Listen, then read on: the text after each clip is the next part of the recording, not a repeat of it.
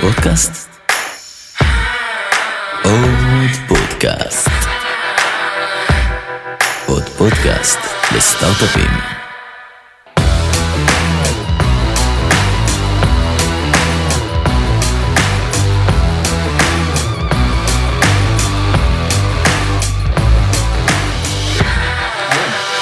טוב, אהלן גיא, מה קורה? מעניינים טוב, מה שלומך?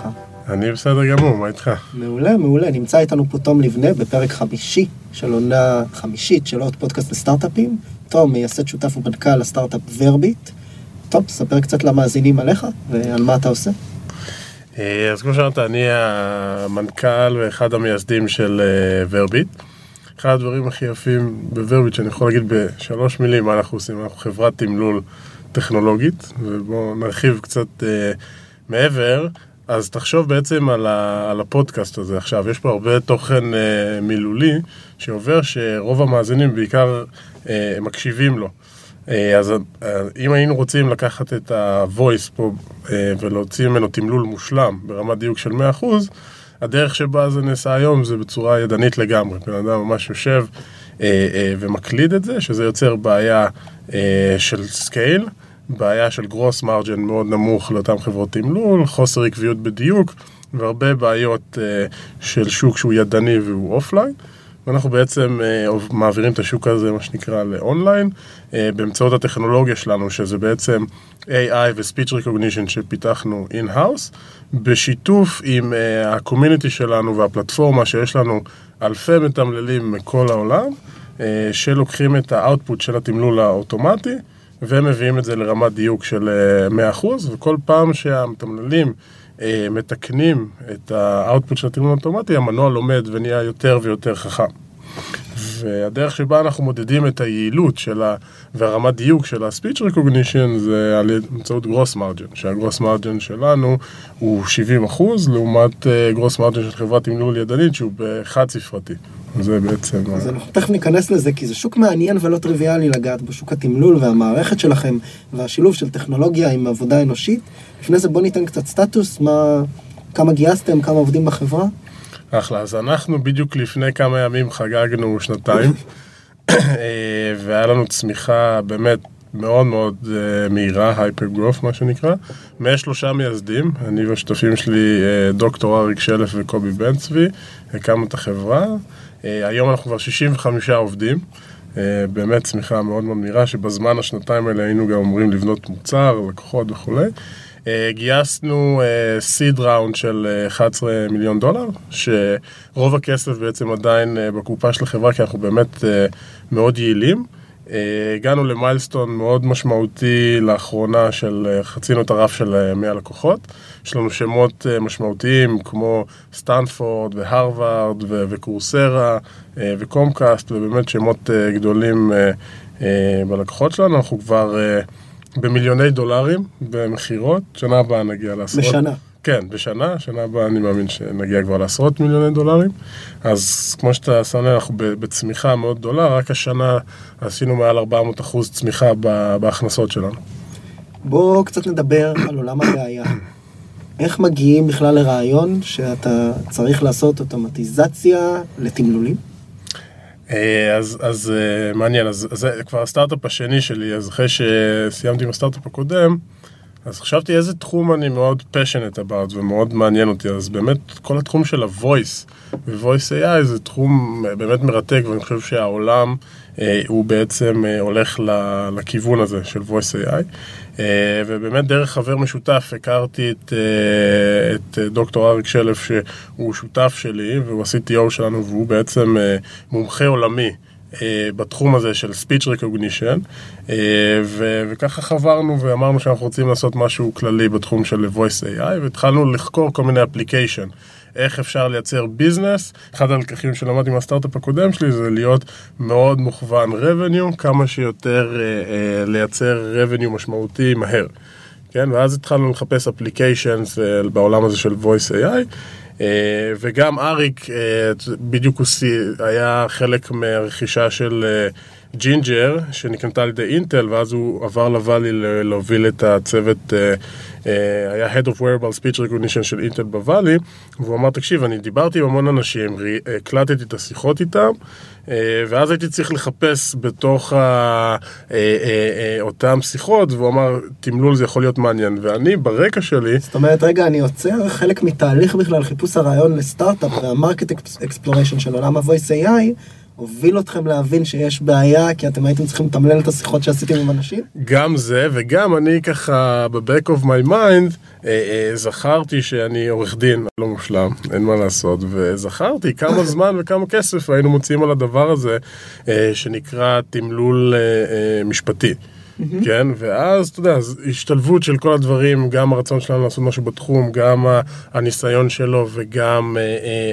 אה, הרקע שלי, הובילו אותנו ל- ל- להתמקד בשוק התמלול, שהוא שוק ענק, ענק, ענק, שוק של אה, אה, בסביבות ה-30 מיליארד דולר ב- בשנה, מאוד מאוד מאוד fragmented, זאת אומרת, יש המון המון use cases וורטיקלים לתמלול, אם זה תמלול בעולם הליגל, בבתי משפט, אם זה תמלול רפואי, אם זה תמלול בעולם המדיה של ה-closed captions, אם זה אה, תמלול... אה, בעולם ה-Education, שזה אחד הוורטיקלים שאנחנו מתמקדים פה, תמלול של הרצאות והנגשת תכנים לסטודנטים חרשים.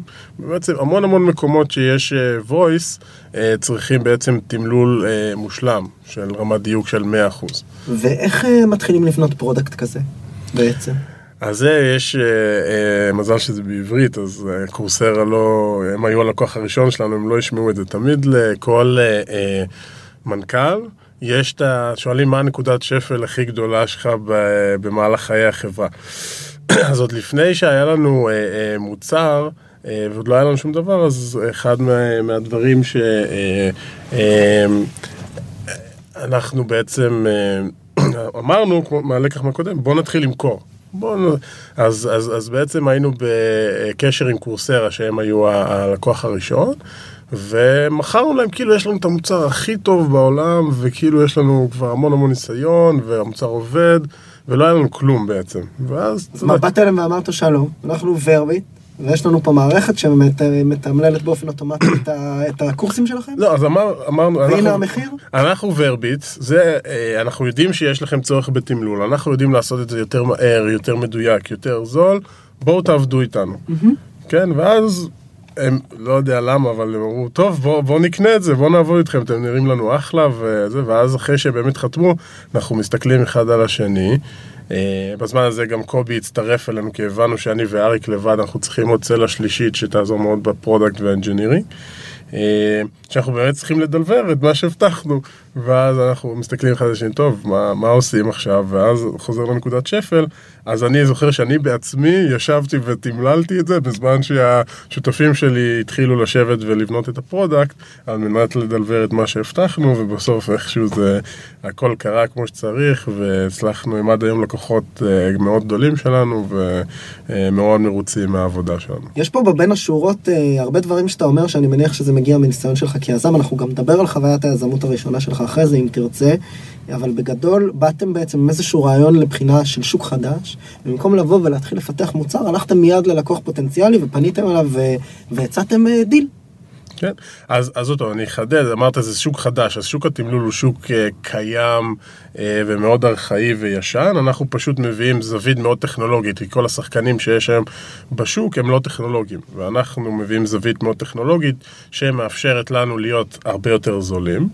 כן, הרבה יותר מהירים והרבה יותר אה, אה, מדויקים, הרבה יותר נוחים לשימוש, ויש עוד הרבה מאוד אה, אה, אה, אה, אה, בונוסים ו... ו added value שאנחנו אה, אה, נותנים. אז, אז לא הייתי מגדיר את זה כשוק חדש, הייתי פשוט אומר שזה אנגל אה, שונה, ובאמת, כמו שאמרת, כחלק מהניסיון שלי אה, מהסטארט-אפ הקודם, אמרתי להיות מוכוון revenue, revenue, ומגע עם לקוחות כמה שיותר מהר, ולא להישאר במשרד ולעבוד על מוצר, ורק אחרי שיש את המוצר לצאת לשוק. אז זאת אומרת, להתחיל להחתים לקוחות עוד לפני שיש לך משהו, ואז...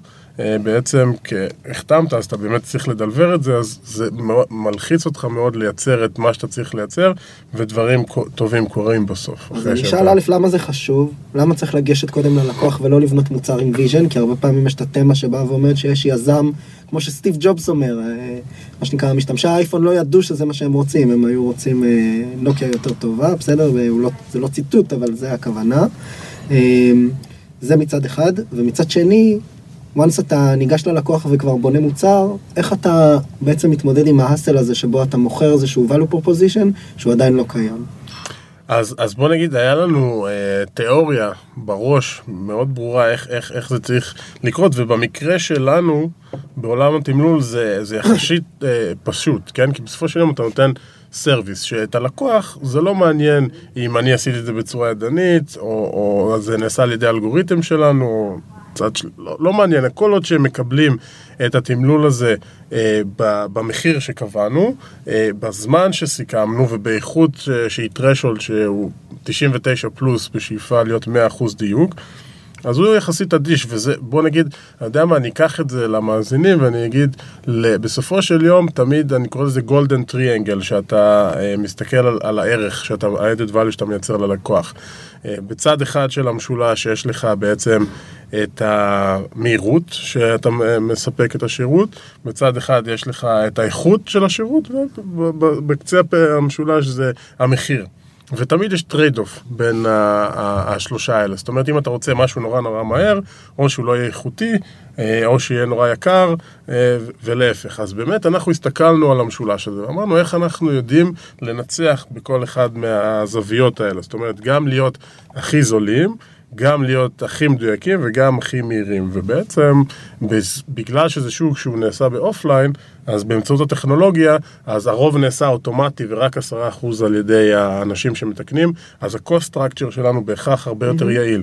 בגלל שזה AI וטכנולוגי, אנחנו הרבה יותר מהירים, ובגלל שהמכונה היא לומדת ומתאימה את עצמה ללקוח, אז גם הרמת דיוק שלנו מאוד גבוהה, כי the machine, there is no bad day. לבן, לבן אדם, אתה יודע, הוא יכול להיות לא מפוקס, ואז לעשות טעויות בתמלול. ברור, אבל אני, אתה פה נכנסת קצת למוצר, אני דווקא חוזר שלושה צעדים אחורה, ל notion הזה של לבוא ולהביא לקוח קודם.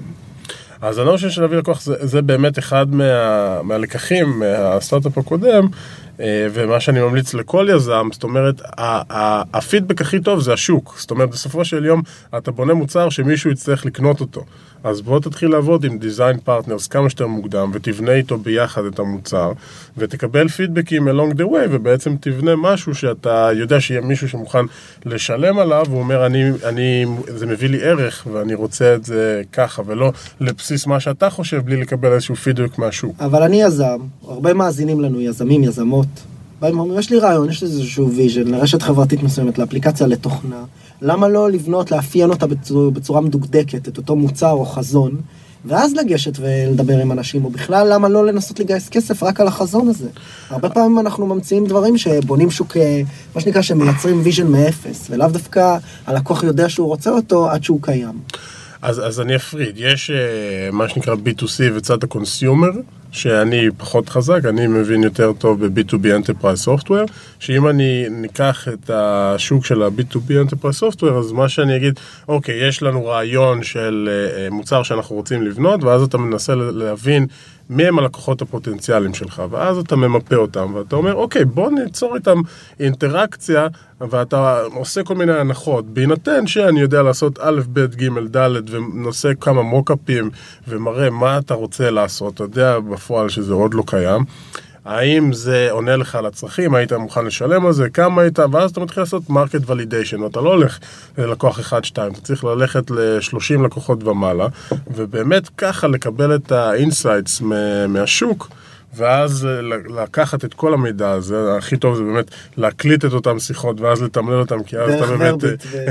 יש לך את היכולת ל-access לדאטה, כי אם לא, אתה בדרך כלל לוקח נוט, או שזה נשאר לך בזיכרון. ואז בעצם אתה עושה את כל המידע הזה, ואז אתה אומר, אוקיי, זה, זה בעצם ה-constraints, זה בעצם הפידבקים שקיבלנו, ובהתאם לזה רק הייתי הולך אה, ומפתח את המוצר, ואם יש בכלל לקוח שמוכן עוד לחתום איתך לפני שזה קיים ולשלם על זה, אז זה בכלל טוב, שזה מה שהתמזל מזלנו ולנו היה. אז אתם באמת באתם עם איזשהו רעיון לאיזשהו שוק, אני שנייה עושה לזה recap כדי שנוכל להתקדם, ובאתם, ודבר ראשון שעשיתם זה הלכתם ללקוח, לא סתם לקוח Coursera, שהוא לקוח גדול, brand name, אמרתם בוא, הנה זה מה שאנחנו עושים. וברגע שהעסקה נחתמה, התחלתם לעבוד כי הבנתם שיש צורך למוצר. בואו נתקדם טיפה קדימה, גייסתם כסף, אתה אמרת 11 מיליון דולר, אני שנייה מוסיף פה כמה פרטים או תובנות משלי. א', גיוס גדול יחסית לגיוס seed ראשוני. מהמם. אז אם אתה יכול לדבר על זה ואיך התהליך הזה התנהל ומה אפשר לכם לגייס גיוס seed לא טריוויאלי. שתיים, נוכח זה, ופה אני מוסיף מידע, תתייחס לזה איך שתרצה, שכבר היה לך סטארט-אפ בעבר, Upinside, גייסת אליו 2.3 או 4 מיליון דולר, תלוי באיזה הודעה לעיתונות זה היה. ואת הסטארט-אפ הזה, מה שנקרא, הוא לא משנה למה, אבל הוא כשל. זאת אומרת, בסופו של דבר, לא סיימתם את ההשקה, לא סיימתם את המוצר, לא יצאתם לשוק. והחזרתם חלק מהכסף למשקיעים. איך אה, יזמים פה ששומעים את זה בתחילת הדרך אומרים, מה, חשבנו שאתה צריך לעשות שלושה אקזיטים כדי, אה, כדי לגייס? מה, מה הסקילסט או, ה, או היכולת או ההבנה שלך את הדינמיקה בין יזם למשקיע שאתה כתום מביא איתך לתהליך הזה, וספציפית בוורביט שאפשר אה, גיוס כזה. תשמע, כל הנושא של גיוס כסף ממשקיעים, אני, יש לי תזה ככה משלי מאוד מעניינת, אה, אני אגע בה. מה אני חושב שיזמים ויזמיות בתחילת דרכם, מה הדברים החשובים שהם צריכים לשים אליהם לב, ואני אתן מה עבד לי ואיך אני בעצם הייתי בתהליך. אז מה שעבד לנו, אה, אז אנחנו בעצם צוות שלושה מייסדים מאוד חזקים. זאת אומרת, גם אה, אני בא עם הרקע שלי ועם הניסיון, וזה לא סטארט-אפ ראשון בתור המנכ"ל, שזה משהו שמשקיעים מסתכלים עליו, וגם אריק שותף שלי, זה הסטארט-אפ השלישי שלו, אה, והיה לו אה, כמה הצלחות בעבר, וגם קובי, 20 שנה בתעשייה, VP R&D ו-VP Engineering בהרבה סטארט-אפים, אז באמת צוות שמשלים אחד את השני מאוד, אה, מאוד חזק, ובגלל הניסיון הקודם שלי, זאת אומרת, עוד לפני שבכלל התחלנו את החברה, כן, אז חלק מהמשקיעים מהסטארט-אפ הקודם אמרו, טוב, אנחנו רוצים לתת לך חצי מיליון דולר, עוד אפילו לא ידעתי מה אנחנו הולכים לעשות, אז התחלנו ככה, אה, את הד... עוד לפני שהיה חברה, כבר הסכמים חתומים על... אה, זה, ואז בכלל שאתה... זה עוד מעל בסיס החברה הקודמת, כן, בסיס משקיעים ה- שהשקיעו בך בחברה הקודמת, כן. אמרו אנחנו נשים חצי מיליון דולר, לא משנה במה תעשה. לא כולם, מי ש... התחברת. כן, התחברתי ועוד הוספתי כמה אה, חדשים. איך אתה מסביר את זה? בוא שנייה נשב על זה. כי נכ- כי נכשל, אני יכול להגיד את זה? כי נכשלתם. לא הצלחתם. אה, לא לא. נמכר, לא, לא עשיתם תשואה טובה בזווית של המשקיע, עזוב אה, מהי הצלחה. בוא, לא החזרתם אה, אה, כסף אה, טוב למשקיעים שהשקיעו. בסופו של יום אני חושב שמה שבעצם אה, קרץ למשקיעים זה הטרנספרנסי שלי, אני לא אכנס למה היה לנו בסטארט-אפ הקודם, אבל כמו שאמרת, החזרנו חלק, את רוב הכסף הוחזר למשקיעים, כן? ואז אין, אין הרבה יזמים שאני מכיר שבעצם החליטו בהחלטה כל כך אמיצה להחזיר את רוב הכסף שגייסו, כן? 2.4 מיליון דולר, להחזיר את רוב הכסף אה, אה, למשקיעים, זה עובדות. לא משנה מה, מה היה שם, אבל זה העובדה. ואז אתם מסתכלים על היושרה שלך, ובסופו של יום הריליישן עם משקיעים זה אמון, כן? כי הם נותנים לך כסף, הם לא עושים לך micro-management על מה אתה מנהל את הכסף, אז כאילו נתן לי הרבה מאוד נקודות בכל מה שקשור ל, ליושרה והאמון האישית שלי, והם ראו בעצם איך התנהלתי, ולכן הם מאוד רצו להמשיך אה, לעבוד איתי בתור יזם. בסוף רוצים לעבוד עם בני אדם. נכון. ואז, אז בעצם זה נתן לנו נקודת פתיחה מאוד טובה, ואז בשביל, אתה יודע, מהחצי מיליון דולר ל-11 מיליון דולר, יש עדיין עשרה וחצי מיליון דולר שצריכים להיכנס בדרך, אז, אז בעצם מה שהיה שם, אז באמת, היה לנו את הכסף, החלטנו שאנחנו לא לוקחים משכורות, שכאילו אנחנו אומרים, חבר'ה, גייסנו חצי מיליון דולר בבנק, אנחנו אפילו עוד לא נוגעים בו כי אנחנו לא לוקחים uh, משכורות. התחלנו לעבוד, היה כבר לקוחות ראשונים, uh, כמו קורסרה ו- ואחרים, ואז בכלל הפכנו את הדיון, למה uh, שאנחנו ניקח את הכסף שלך, כן? כי יש לנו כמה הצעות, ואז uh, משקיעים, אה, ויש מה שנקרא FOMO, fear of missing out, וברגע שאתה מתחיל אה, אה, לקבל אה, הצעות ויש מומנטום מאוד חיובי, אז כולם רוצים to get in, וזה היה באמת ביקוש משמעותי, וגם צוות חזק, וגם traction, ו, אה, והכל, אז זה מה שאפשר לנו. ועכשיו אני אנסה לפשט את זה ל, ליזמים, אה, מה, מה בעצם שלושת הדברים המרכזיים שבעצם VC אה, מחפשים. בהינתן שאתה מגייס כסף מ-VC, אם אתה מגייס כסף מאנג'לים או אקסלרטורים, זה דבר אחר, אני מדבר על, על venture capital. אה, אז בואו בוא נתחיל להבין איך המודל שלהם עובד. זאת אומרת, אם זה קרן של 100 מיליון דולר, הם צריכים להחזיר 300 מיליון דולר בשביל להיות קרן אה, אה, מוצלחת, ובדרך כלל יש להם 20 אחוז בסטארט-אפים בממוצע, זה אומר שזה אקזיטים בטוטל value של מיליארד וחצי דולר. כן, ואם זה חב... אה, קרן של 200 מיליון דולר, אז זה אקזיטים של 3 מיליארד. תעשו את המטרה. אז דבר ראשון, הכי הכי הכי חשוב, זה huge opportunity, זה market בעצם ענק, שבעצם אתה בא למשקיע והוא יבין שה total addressable market שלך, אתה יכול לייצר חברה שיכולה להחזיר לו את הקרן, כי בעצם הם עושים בדרך כלל בין 10 ל-15 השקעות בקרן, והם רוצים שכל אחת מה-10-15 חברות עם פוטנציאל להחזיר את כל הקרן. זה, זה, זה איך שזה עובד. אז באמת חשוב שזה יהיה שוק מאוד מאוד מאוד גדול, של הבעיה שאתה פותר, ושיהיה לך את היתרון התחרותי על פני המתחרים, שאתה תוכל לבנות ווינר שיהיה אה, שווה אה, מעל מיליארד דולר. אז כל מה שקשור לגודל שוק זה קריטי. דבר השני... גודל שוק והבנה של האינטרסים של המשקיע סביב הסיפור כן, הזה. לגמרי. לא גודל שוק תיאורטי. כן. ואז הדבר השני הקריטי זה הוולידיישן, כן? ובואו עכשיו נסביר מה זה validation ואולי נחבר את זה גם לסיפור של Verbit.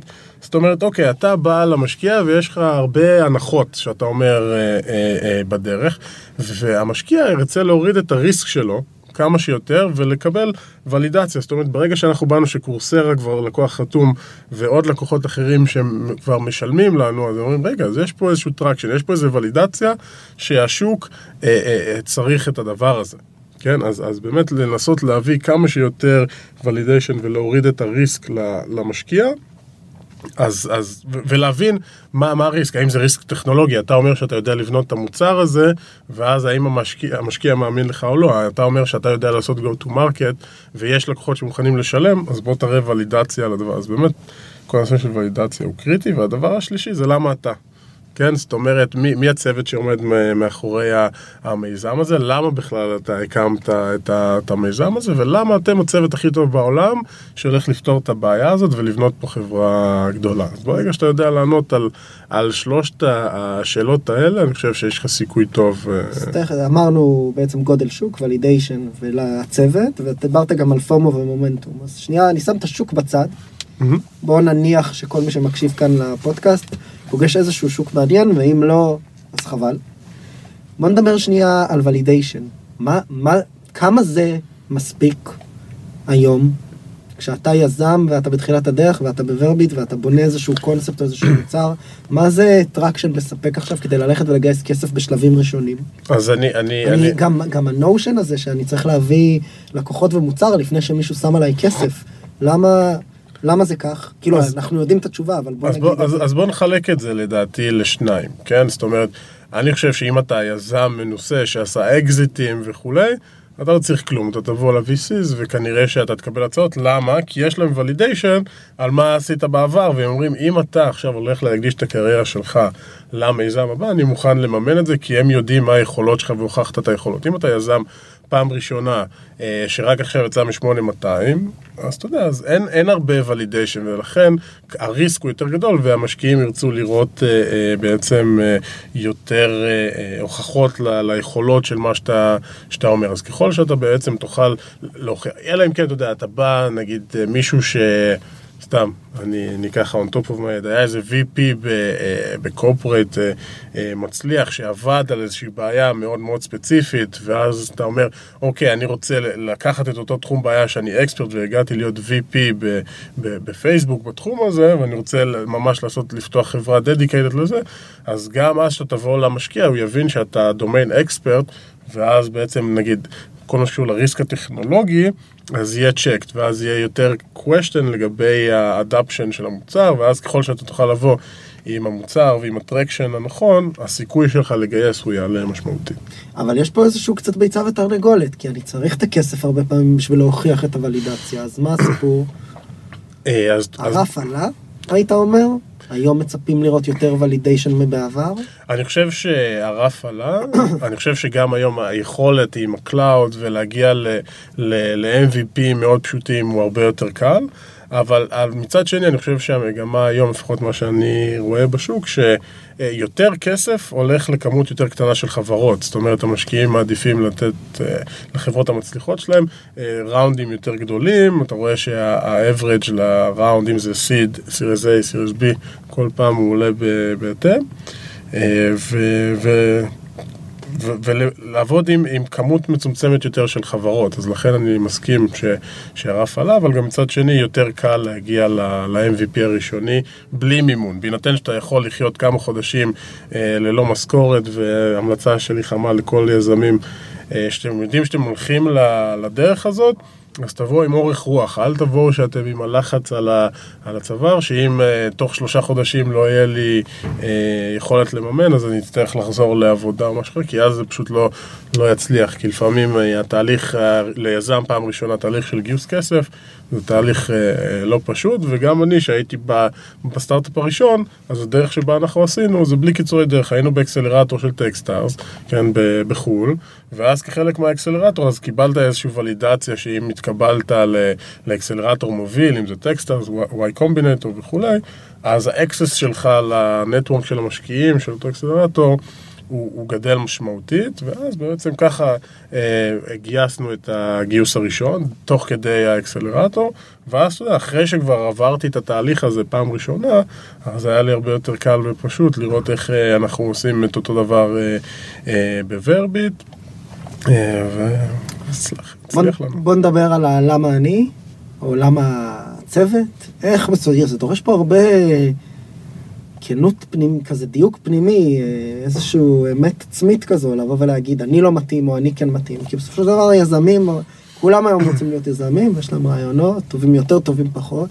איך אתה בסוף יודע לבדל מול עצמך שאתה באמת הבן אדם המתאים עכשיו להוביל חברה?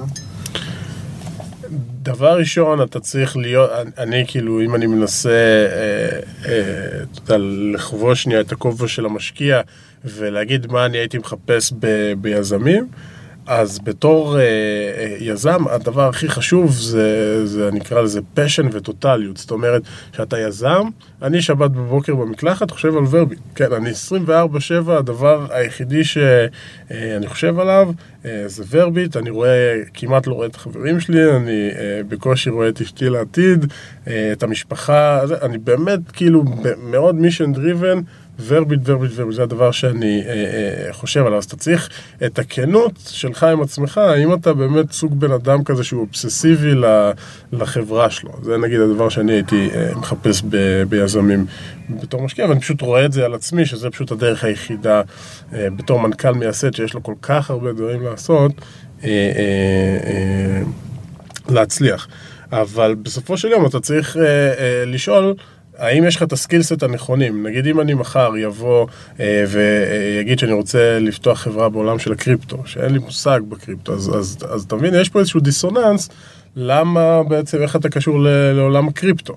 כן, אז במקרה שלי אני הייתי מאוד פשנט על, על, על voice AI אה, ועל, ה, אתה יודע, גם של השותף שלי הוא מהתחום ויש לו את הצורך שלו במוצר שפיתחנו וגם הניסיון שלי בתור אה, לקוח מתוסכל מעולם ה legal, אז באמת היה לנו ככה passion מאוד אה, אמיתי והיה לנו את ה skill set הרלוונטיים, זאת אומרת אם הייתי מביא מפתח front-end בתור ה-CTO אז, אז המשקיע היה יכול להבין מאוד מהר שאין לה, למפתח ה-CTO שהוא מפתח front-end את היכולת לבנות מנוע speech recognition כי זה, אתה יודע, צריך יכולות מאוד מאוד מאוד ספציפיות והרבה מאוד ניסיון. אז באמת לראות שיש לך את ה... כי משקיעים הם אנשים מאוד חכמים ומתוחכמים, אז הם יבינו, והם רואים המון חברות, יבינו, אוקיי, בשביל לפתח את מה שאתה אומר, זה הסקילסט הנדרש, ואז הם יבדקו אם יש לך את הסקילסט. ו- וגם עוד פעם, בתור אתה אומר, אוקיי, יזם ומנכ"ל, אז גם אני אף פעם אה, לא ניהלתי 65 עובדים, ולפי התוכנית שלנו, שנה הבאה אנחנו צריכים להיות אה, 150 עובדים. זאת אומרת, אנחנו בגיוס מסיבי אה, של עובדים. אגב, אם יש באתר שלנו, אז אתם מוזמנים להסתכל על כל המשרות. מישהו פה החליט לנטוש את הרעיון שלו וללכת לעבוד כן, בוורביט, זה הזמן. מגייסים אה, הרבה עובדים להרבה משרות, אז... אז אז אף פעם לא ניהלתי חברה של, של 150 איש, אבל אז אתה צריך בעצם לדעת, קודם כל להיות קואוצ'בול, אני קורא לזה, ואת הרצון כל הזמן ללמוד ולהשתפר, ולהקיף את עצמך באנשים שהם מנוסים ובינדר דנדד, ויגרמו לך להיות מנכ"ל יותר טוב, או CTO יותר טוב, ולהתפתח ולצמוח עם התפקיד. איך עושים את זה? את הצמיחה הזו סביב התפקיד? בטח כשאתה, אנחנו, תכף אנחנו מגיעים גם לאזור, לשלבי הצמיחה, מהר. אבל באופן כללי, אז אה, אני שנייה ריקאפ. לפני שנתיים קמתם, הייתם שלושה חבר'ה, גייס, הבאתם לקוחות, גייסתם 11 מיליון דולר, היום אתם 60 פלוס איש, עוד מעט תהיו מעל 100. איפה זה פוגש אותך ב- בכל התהליך הזה? איך זה שינה אותך? אז, אז יש לי איזושהי תיאוריה על זה. יש אה, אה, מה שנקרא בהתחלה, אתה ה-Chief Doer אה, Officer. מה זה אומר Chief Doer? אני כאילו עד לפני כמה חודשים, הייתי גם ה-VPHR, הייתי אחראי על להביא את העובדים, הייתי גם ה-CFO שאחראי על הכספים, היה לי 20 כובעים, כאילו הייתי עושה הכל, כל מה שזה, תום אה, עושה. ואז ככל שהחברה גדלה ו- וצומחת, אז, אז בעצם אתה צריך לדעת לשחרר, לדעת לפטר את עצמך, לשים, להביא את האנשים המקצועיים שיעשו את זה במקומך, ואז אתה הופך להיות מה שנקרא Chief Company Building Officer. זאת אומרת, אתה עכשיו בונה ארגון, בונה חברה שאתה בעצם המנכ"ל שיושב למעלה, ואתה מביא כל אחד עם זה איש כספים, ואיש HR, ואיש מכירות, ואיש שיווק, ו product, ו-R&D.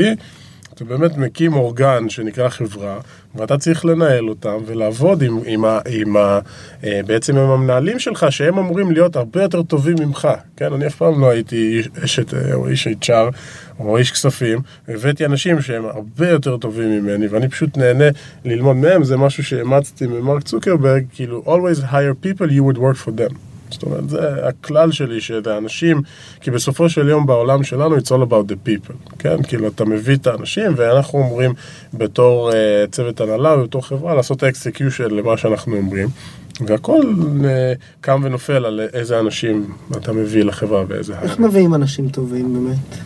זה... אה, איך רותמים שותפים בתור התחלה ואת העובדים הראשונים? אז אני חושב שבתור אה, אה, מנכ"ל, אתה אמור להיות האיש מכירות הכי טוב של החברה. זאת אומרת, מה, מה זה אומר? יש לך כל הזמן, אתה כל הזמן מוכר.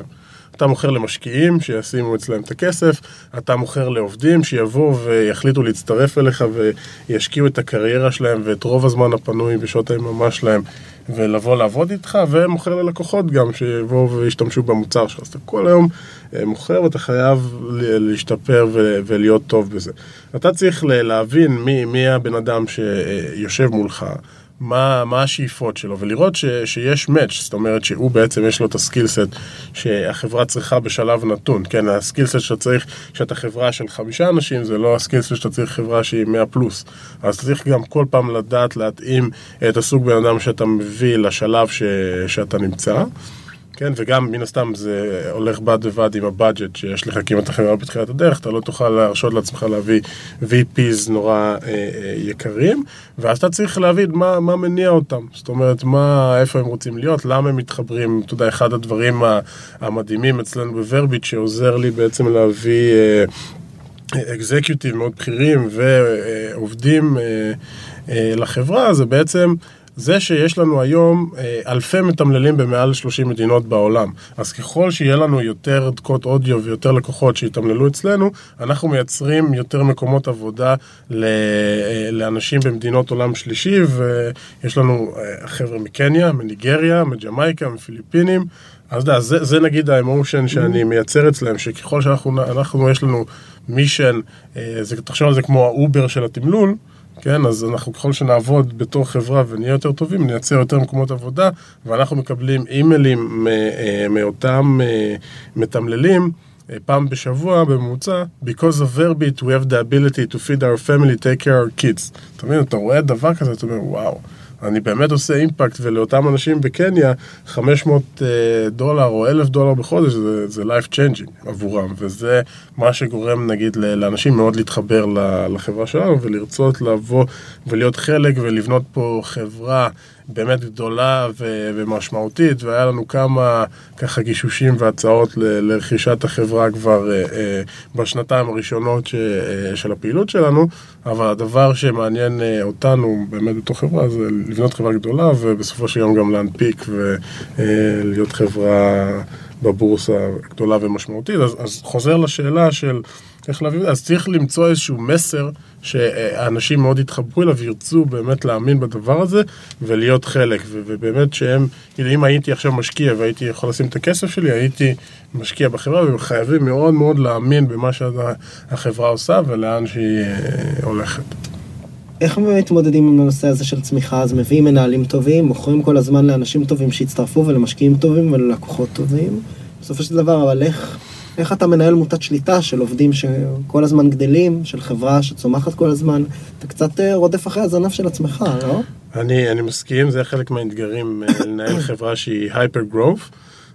ומה מה שיפה היום בעולם, שאני לא המצאתי שום דבר מהדברים האלה. יש עוד הרבה מאוד חברות שבינדר, דנדד וצמחו יותר מהר מוורביט, ו...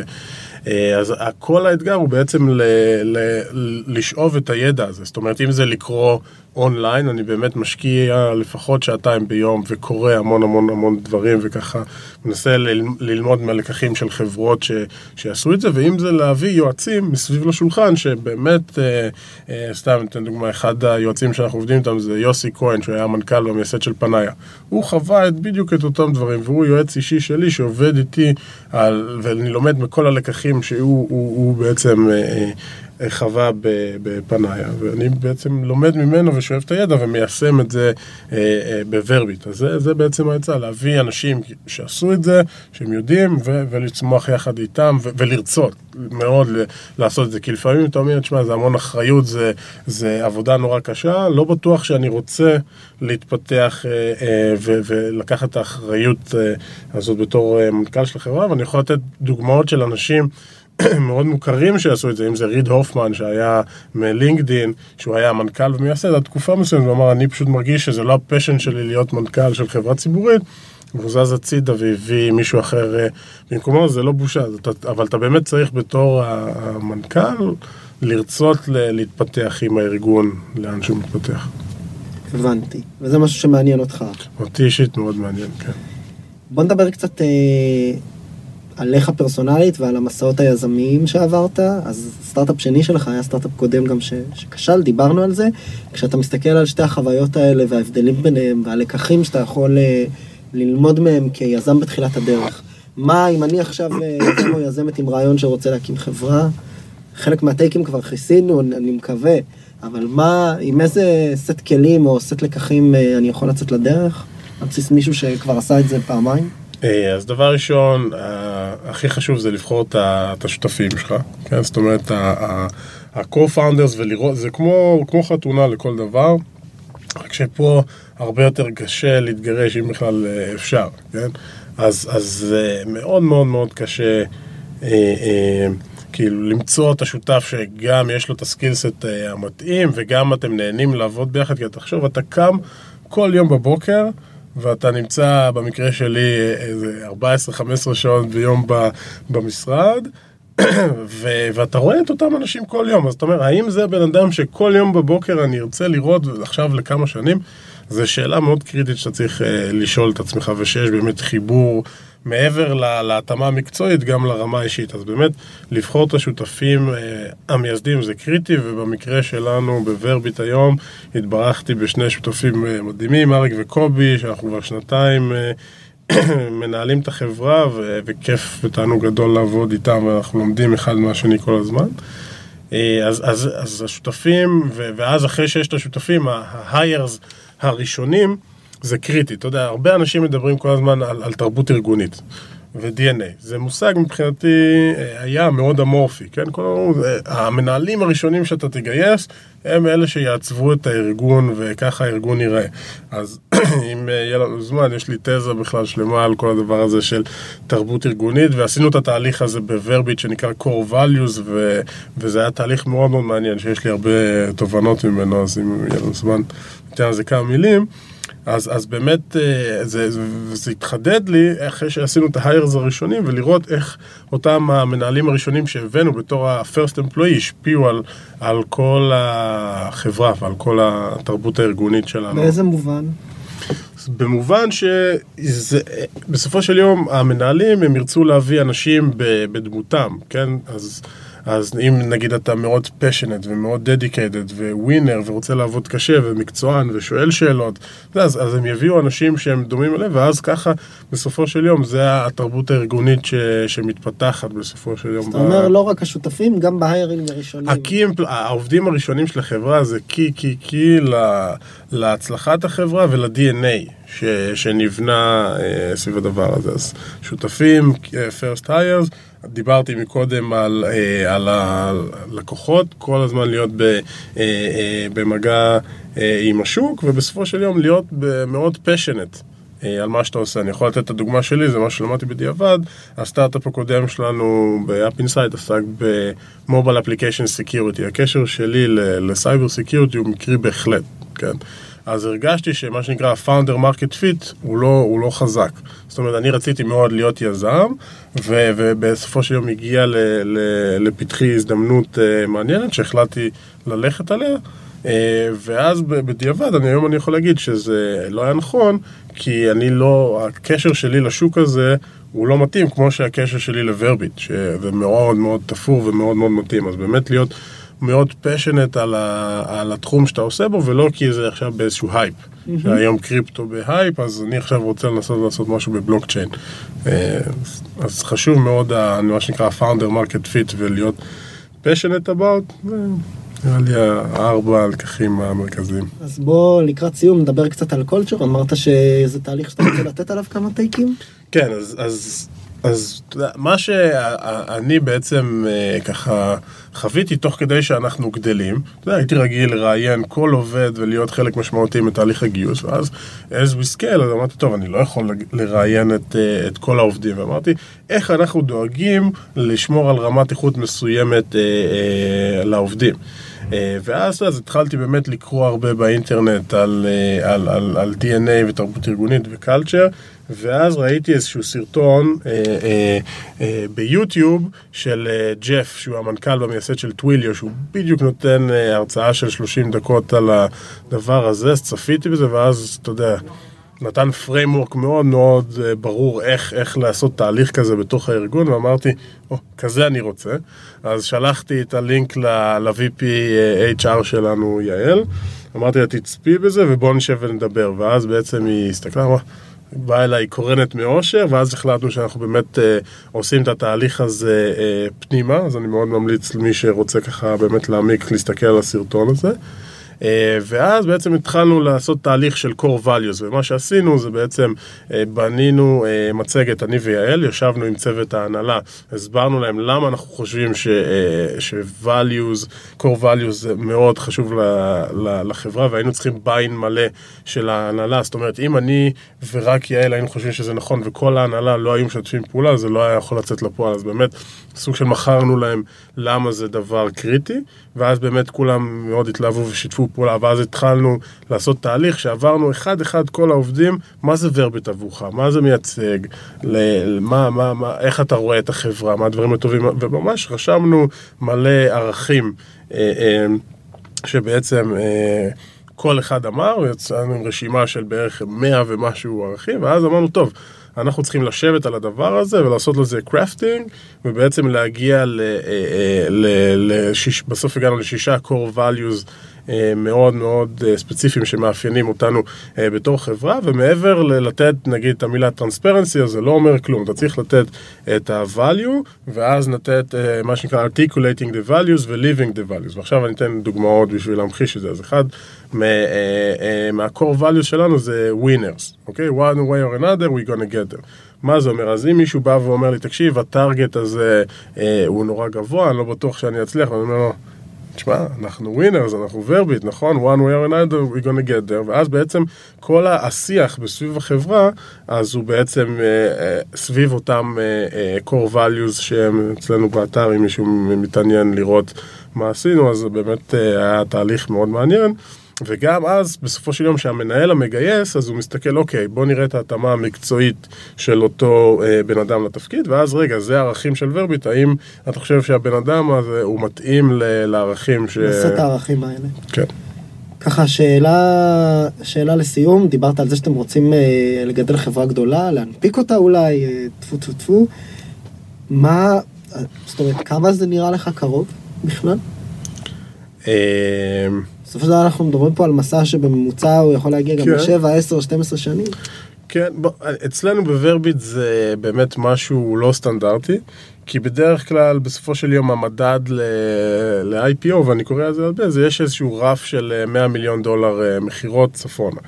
כן, אז כאילו, זו שאלה מתי אנחנו בעצם, אה, ומה הקצב צמיחה, איך שאתה, איזה קצב אתה מגיע לשם. אז אצלנו, ואז תמיד אתה מסתכל על distribution אה, של החברה, מה ה-go to market. אז לוורביט התברכנו אה, במשהו מאוד ייחודי שאין את זה לכל חברה. זאת אומרת, גם צמיחה, מסלול של צמיחה אורגנית, וגם מסלול של צמיחה אנ-אורגנית, ש... אה, אני לא אפרט על זה עכשיו, אבל זה משהו, go to market מאוד מאוד מעניין ומאוד מאוד ייחודי לנו אה, ספציפית, שבעצם יכול תיאורטית, תוך שנתיים שלוש להגיע ל-100 מיליון דולר במכירות, כן, להגיע ל... זה מאוד אגרסיבי, אבל אתה יודע, אז אני, ה-state of mind שלי, למה בעצם אני זה שדוחף ומקדם בעצם את, ה, את האסטרטגיה האנ-אורגנית, והבאנו מישהי VP קורפדב, שזה התפקיד שלה, שהיא תהיה אחראית על הצמיחה האנ-אורגנית, בשלב מאוד מוקדם, שלא אופייני לסטארט-אפ בשלב שלנו. אה, אז באמת הגענו למיליוני דולרים אה, תוך שנתיים מכירות, ושנה הבאה כבר נגיע בעזרת השם לעשרות מיליוני דולרים מכירות. אז, אז, אז, אז אנחנו מתקרבים ל- ל- לבנצ'מרק הזה של המאה מיליון ARR. כל מה שאנחנו מסתכלים זה איך אנחנו מגיעים למספר הזה כמה שיותר מהר. ובאמת, באמצעות האסטרטגיה שהיא ייחודית מאוד לוורביט, ואין את זה להרבה סטארט-אפים אחרים, אז זה יכול להיות אפילו יותר קרוב ממה שאנחנו חושבים, אז אולי אפילו באופק של השלוש-ארבע שנים הקרובות. אוקיי, טוב, תודה רבה. תודה לך.